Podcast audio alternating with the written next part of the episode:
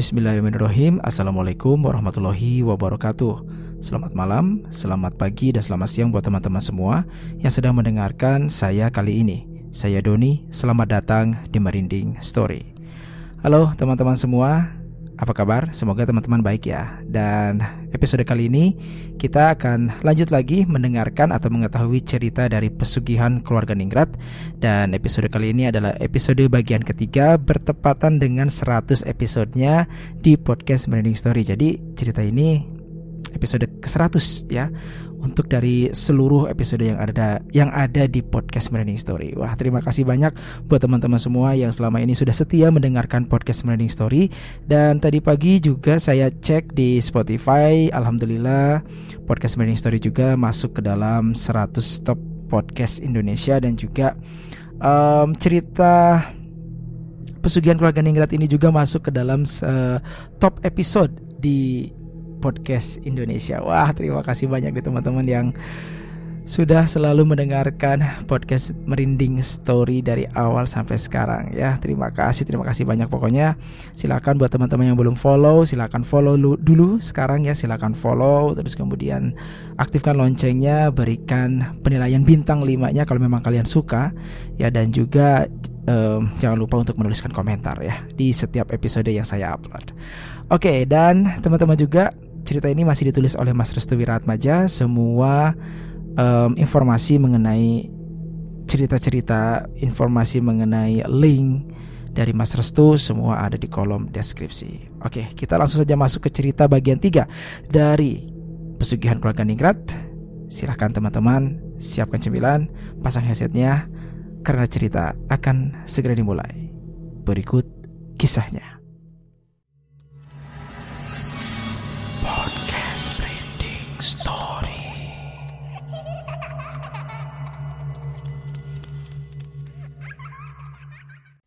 Pesugihan Keluarga Ningrat. Bagian 3 Ritual Pembuka.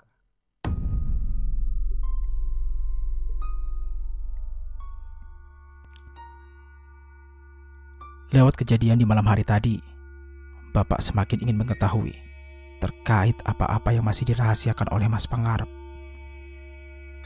Jika memang apa yang dikatakan oleh Mas Pangarep benar Berarti kehadiran Bapak sendiri benar-benar menjadi ancaman yang nyata bagi Mas Pangarep dan juga yang lainnya.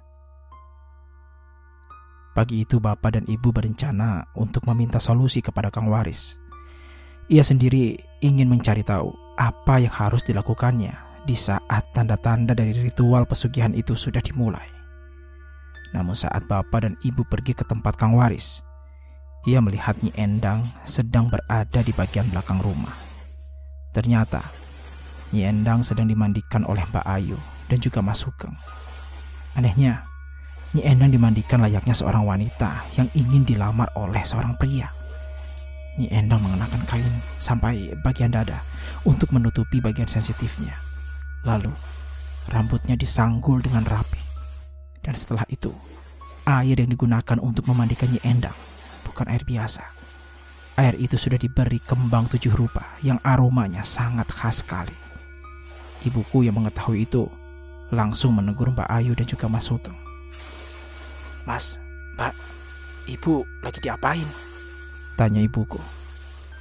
Ibu sedang diruat, jawab Mbak Ayu. Diruat? Perasaan Ibu baik-baik saja. Pak Paku mulai berpikir aneh lagi. Kemarin rambut dari ibu berwarna hitam. Mengapa sekarang kembali berwarna putih? Apa memang ada yang salah dengan penglihatannya saat itu? Mbak Yu, Mas Sugeng, uh, kemarin rambut ibu kalau tidak salah berwarna hitam. Tapi kenapa sekarang memutih kembali ya? Tanya bapak. Ibuku yang mendengar hal itu langsung terkejut bukan main. Pasalnya, rambut yang dilihat oleh ibuku itu berwarna putih. Tapi mengapa hanya bapakku saja yang melihat jikalau rambut Nyi Endang berwarna hitam legam. Pak, bukannya kemarin rambut ibu berwarna putih? Lah kok bapak lihatnya warna hitam? Mas Sugeng dan Mbak Ayu hanya terdiam. Mereka berdua saling menatap satu sama lain. Sepertinya bapakku mengetahui hal yang tidak diketahui oleh ibuku. Aku melihatnya berwarna hitam, tapi entah kenapa kok jadi warna putih lagi. Oh, mungkin penglihatanku yang agak bermasalah kemarin hari. Jelas bapak. Mbak Ayu pun menghentikan proses peruatan itu secara sementara. Dia pun langsung mengajak ibu dan bapakku untuk menuju ke ruangan depan. Sedangkan Mas Sugeng, ia tetap melanjutkan memandikan Nyi Endang dengan menggunakan air kembang tujuh rupa. Bisakah kalian ikut aku ke depan? Pinta Mbak Ayu. Ada apa mbak? Tanya ibu. Sugeng, lanjutkan prosesnya.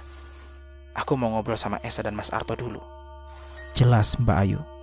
Siap mbak. Mbak Ayu pun langsung mengajak bapak dan ibuku untuk mengobrol di ruangan depan. Sepertinya ada sesuatu pembahasan yang ingin dibahas oleh Mbak Ayu terkait apa yang baru saja dilihat oleh bapakku. Sesampainya di ruangan depan, Mbak Ayu langsung mempersilahkan bapak dan ibuku untuk duduk juga sembari mengobrol hangat. Kamu tahu kan Esa? Keluarga kita menghormati adat leluhur terdahulu.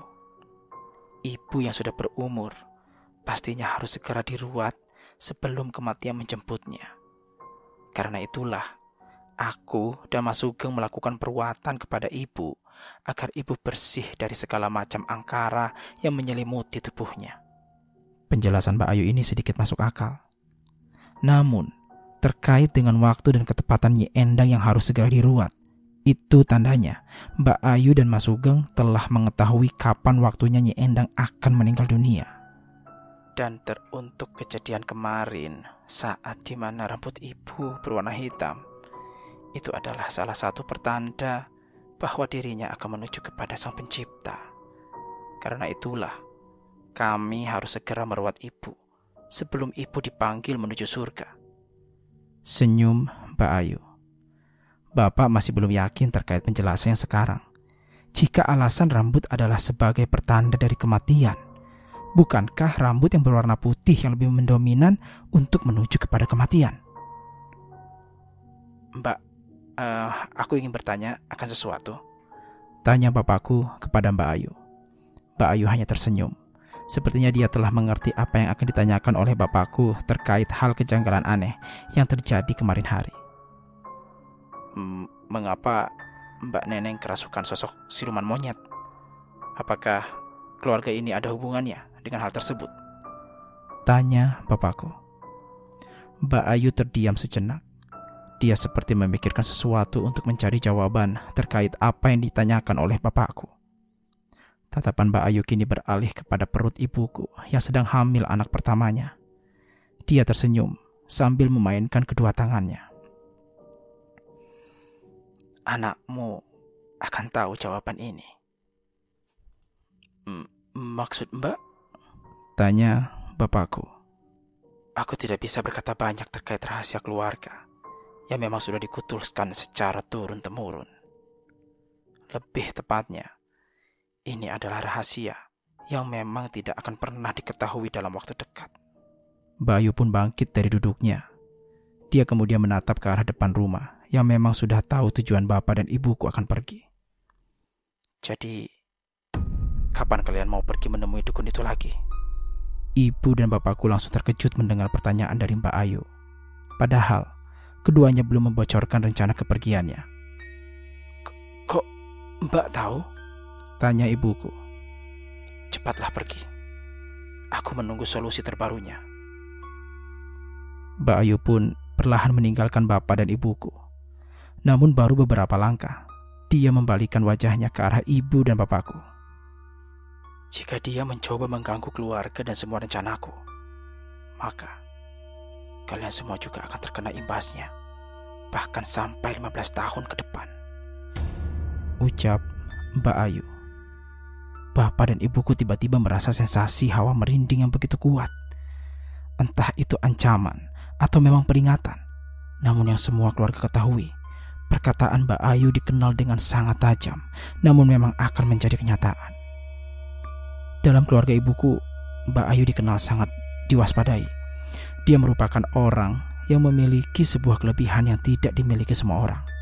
Karena itulah, Selain Mbak Ayu menjadi kepala keluarga saat ini, dia juga mampu membuat semua anggota keluarga lainnya tertunduk hanya dengan satu perintah. Perihal seperti ini dikenal dengan nama Sabdo Tati. Dalam kelahiran weton yang digambarkan oleh Mbak Ayu, dia termasuk orang yang memiliki ilat pahit atau lidah pahit. Mbak Ayu sendiri lahir di Sabtu Legi dan termasuk orang-orang yang selalu dijaga ucapannya, kecuali hanya saat-saat tertentu saja. Karena itulah, di saat Mbak Ayu mengatakan hal demikian, bapak dan ibuku langsung merinding dibuatnya. Tanpa disadari, Mbak Ayu telah memberikan sebuah pertanda khusus ketika pantangan itu benar-benar akan dilanggar oleh bapak dan ibuku. Setelah Mbak Ayu kembali ke ruangan belakang, bapak dan ibuku memutuskan untuk pergi ke rumah Kang Waris. Mereka berdua bermaksud mempertanyakan apa yang harus dilakukan selanjutnya saat mendapati hal-hal aneh yang berada di rumahnya. Singkat cerita, ketika sudah sampai di rumah Kang Waris, ibu dan bapakku mendapati Kang Waris sedang menanam sebuah jahe di bagian timur halaman depan rumahnya. Tentu saja hal ini membuat banyak pertanyaan yang muncul terkait apa yang sedang dilakukan oleh Kang Waris dengan menanam jahe tersebut. Assalamualaikum, Kang. Ucap bapak. Waalaikumsalam. Jawab Kang Waris. Lagi ngapain, Kang? Tanya bapak. Sedang menanam jahe. Loh, untuk apa, Kang? Kang Waris memperhatikan sekeliling rumahnya. Dia seperti diamati oleh sesuatu yang memang tidak terlihat rupa dan bentuknya. Kamu merasakan ada yang aneh tidak dengan rumah ini? Pertanyaan Kang Waris pun membuat bapak dan ibuku menatap sekeliling rumah. Memang benar. Dari sekeliling rumah Kang Waris, bapak dan ibuku merasa ada hawa keberadaan makhluk halus yang tidak bisa dilihat oleh mereka berdua. Uh, iya, Kang. Sepertinya ada yang memperhatikan kita. Jawab Bapak dengan singkat. Mereka datang ke rumahku. Jelas Kang Waris. Siapa, Kang? Tanya ibu. Kita obrolkan ini di dalam rumah saja. Akhirnya Kang Waris pun memutuskan untuk melanjutkan pembahasan ini di dalam rumah. Ada ketakutan sendiri yang akan dipikirkan Kang Waris sewaktu dirinya memberikan penjelasan tersebut tepat di hadapan rumahnya. Kalian tahu, semalam aku didatangi oleh jin kala ireng lengkap dengan para kroconya. Jelas Kang Waris. Para kroconya? Tanya Bapak. Mereka adalah bawahan dari Rojo Ketek. Ternyata ada salah satu anggota keluarga kalian yang nantinya akan dipinang oleh Rojo Ketek untuk selanjutnya dijadikan istri di kerajaannya. Jelas Kang Waris. Loh, kenapa bisa begitu Kang? Kang Waris menatap wajah ibu dengan tajam. Selanjutnya, ia menatap perut ibu yang sedang mengisi anak pertamanya. Dari keturunanmu akan menjadi penentu dari permainan yang dilakukan oleh keluarga Ningrat istrimu. Dia bermaksud untuk membatasi semua agar bisa berjalan dengan lancar. Kejadian semalam itu merupakan bagian dari pembuka ritual yang pernah aku katakan. Jelas Kang Waris. Bapak dan ibuku langsung terkejut di saat Kang Waris mengetahui kejadian yang terjadi di malam itu. Sepertinya Kang Waris telah mengetahui apa-apa yang akan terjadi di malam itu, sampai-sampai dia sudah mempersiapkan semuanya. Aku sengaja menanam jahe di bagian timur rumahku, agar mereka semua tidak bisa mendekat ke sini. Telinga mereka lebih tajam dibanding pisau yang diasah ribuan kali. Sekalinya bocor, maka mereka akan memberikan sinyal kepada salah satu anggota keluargamu. Jelas, Kang Waris. M maksud Kang Waris, anggota keluarga yang dimaksud itu adalah Mbak Ayu? Tanya ibu. Aku tidak bisa memberikan penjelasan terkait itu. Namun tidak lama lagi, tumbal pertama akan muncul. Apa yang mereka lakukan dan sengaja ditampakkan secara terang-terangan kepadamu hanyalah sebuah ilusi untuk menutupi rencana buruknya. Jelas, Kang Waris. Bapak dan ibuku belum paham apa yang dimaksud oleh Kang Waris. terkait dengan hal tersebut. Bapak malah berpikir terkait keanehan yang sedang dilakukan oleh Mbak Ayu dan juga Mas Sugeng saat sedang melakukan proses ruatan terhadap Nyi Endang. Maksud Kang Waris, ruatan? Iya, benar. Itu adalah proses terakhir. Proses terakhir apa, Kang? Ritual penumbalan. Korban akan dimandikan menggunakan kain khusus. Lalu proses penghitaman rambut yang sudah putih adalah sebagian pertanda bahwa orang tersebut akan dijadikan tumbal.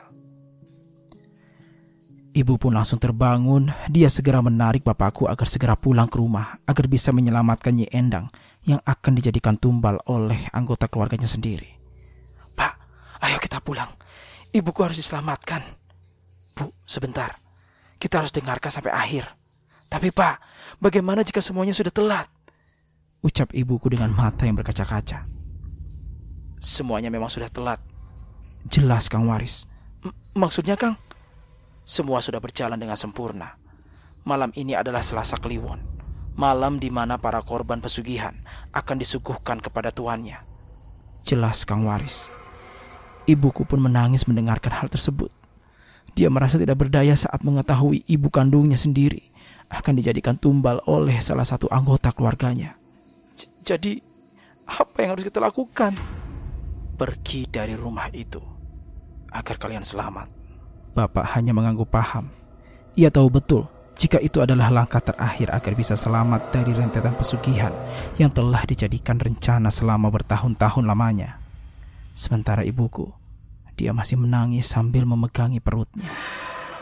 Aku beritahu, jika nantinya ada suara gemelan di malam hari, jangan keluar kamar.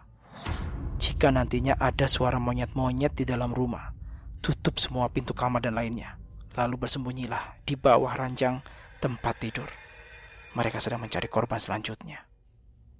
Bapak merasa merinding ketika mendapati arahan langsung dari Kang Waris.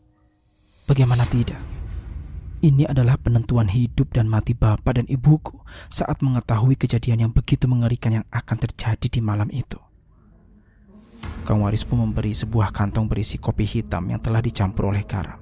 Katanya, kopi dan garam itu dipergunakan untuk menghilangkan bau badan agar tidak tercium oleh rojo ketek atau raja monyet yang nantinya akan berjalan-jalan bersama dengan ratu pilihannya. Ambil ini. Taburkan di sekeliling dekat ranjang tempat tidurmu. Lalu, sembunyilah di bawah ranjang tempat tidur. Tahan sampai semua pagelaran kawin rojo ketek itu selesai. Lalu jangan membuka pintu sampai subuh tiba. Bapak mengangguk paham. Sementara ibuku dia masih belum mendengarkan apa pun yang dikatakan oleh Kang Waris kepadanya. Jaga istri dan anak-anakmu. Lebih baik kau putuskan tali persaudaraan ketimbang keluargamu menjadi korban dari pesugihan ningrat ini. Setelah mendengar semua solusi yang telah diberikan oleh Kang Waris, Bapak dan Ibu pun langsung pamit pulang ke rumah. Selama dalam perjalanan menuju rumah, Ibu masih merasakan kesedihan yang luar biasa. Dia tidak menginginkan Nyi Endang menjadi korban dari tumbal pesugihan. Namun faktanya, semua sudah berjalan mulus tanpa mengetahui sedikit kesalahan untuk bisa menggagalkan rencana tersebut.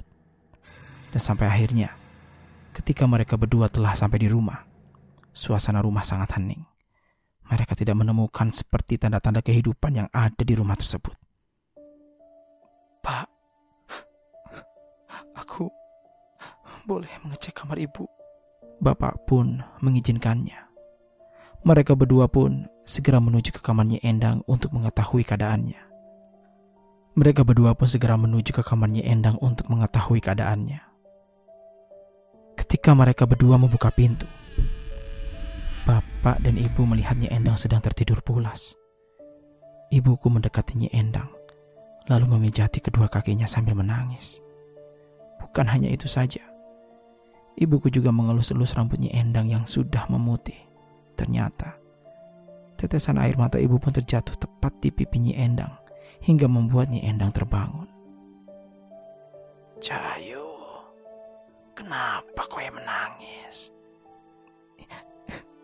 Ibu, ibu sehat. Nyi Endang hanya tersenyum. Kedua tangannya langsung memegangi kedua tangan ibuku sembari berkata, rumah ini, ibu selalu menjaga keselamatan kalian berdua.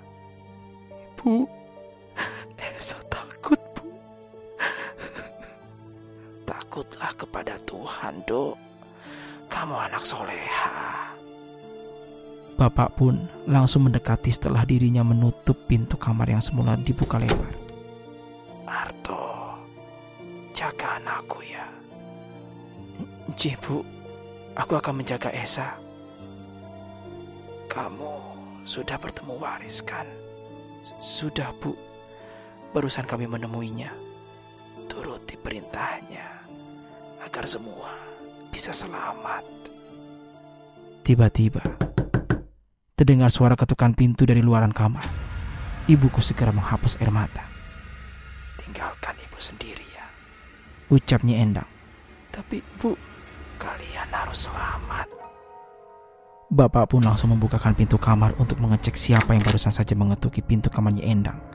Ternyata, setelah dibuka, semua anggota keluarga sudah berada di hadapan kamar kecuali Mas Krisna. Loh, ngapain kamu di dalam kamar ibuku? Tanya Mas Pangarep kepada bapakku. Esa mau ketemu ibu. Jawab bapak. Mas Pangarep pun memperhatikan ibuku yang tampaknya sedang murung sambil menundukkan wajahnya. Maaf mas, aku hanya kangen sama ibu. Kata ibuku. Mbak Ayu langsung menarik tangan ibuku dan menyuruhku untuk keluar. Lepasin aku mbak. Keluar kalian berdua. Mbak, mbak mau ngapain ibu? Terlihat dengan jelas seluruh anggota keluarga Ningrat itu langsung masuk secara bersamaan sembari membawakan sebuah seserahan yang tidak tahu untuk apa tujuannya. Akhirnya, bapak dan ibuku pun langsung diusir dari kamarnya Endang. Namun tidak lama kemudian, Bayu kembali membuka pintu sedikit sambil memperlihatkan wajah mengerikannya. Jadi bagaimana? Apakah ada solusi dari Kang Waris?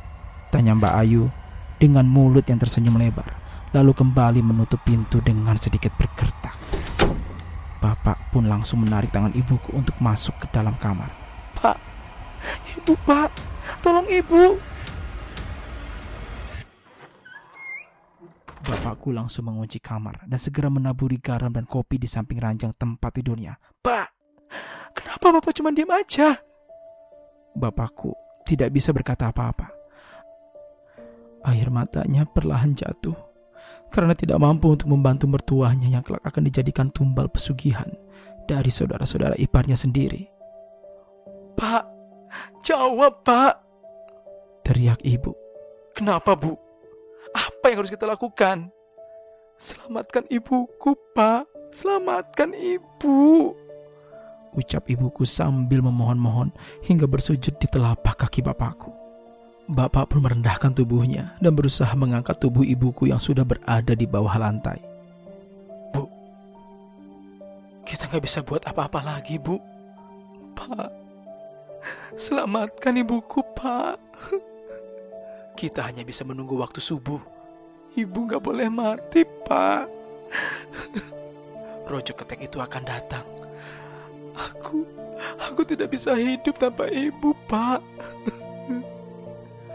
Bapakku langsung memeluk tubuh ibuku dan berusaha menenangkan ibuku yang benar-benar dalam keadaan sangat lemah. Hingga akhirnya, ibuku kembali dengan tenang dan mendengarkan segala arahan dari bapak.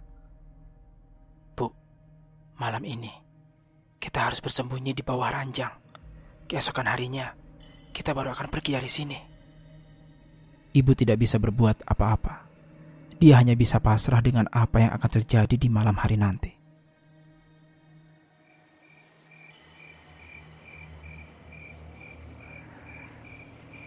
Malam harinya, semua jendela ditutup rapat. Semua persiapan sudah benar-benar disiapkan. Kini, bapak dan ibuku bersembunyi di bawah ranjang untuk menunggu waktu subuh tiba.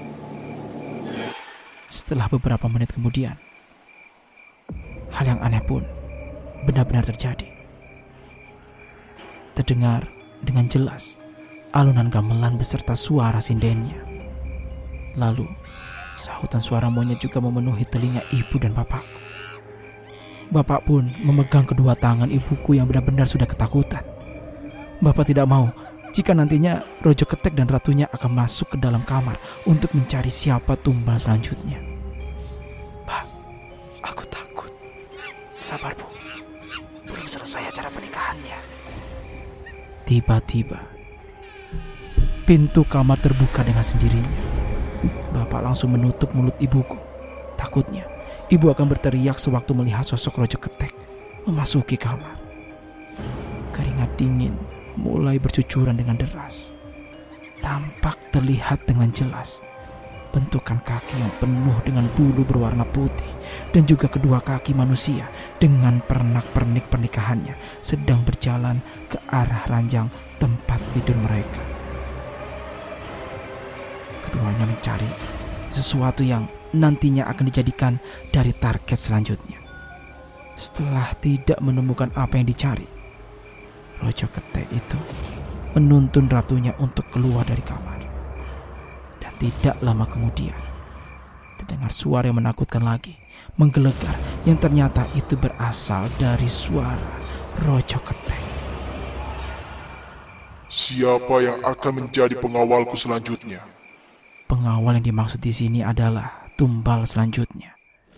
Karena jika dia adalah seorang wanita, maka akan dijadikan istri namun jika dia adalah seorang laki-laki, maka dia akan dijadikan pengawalnya. Berarti dengan jelas, Rojo Ketek sedang mencari tumbal berupa tumbal laki-laki. Lalu, siapakah yang akan dijadikan tumbal dari keluarga Ningrat yang merupakan seorang laki-laki?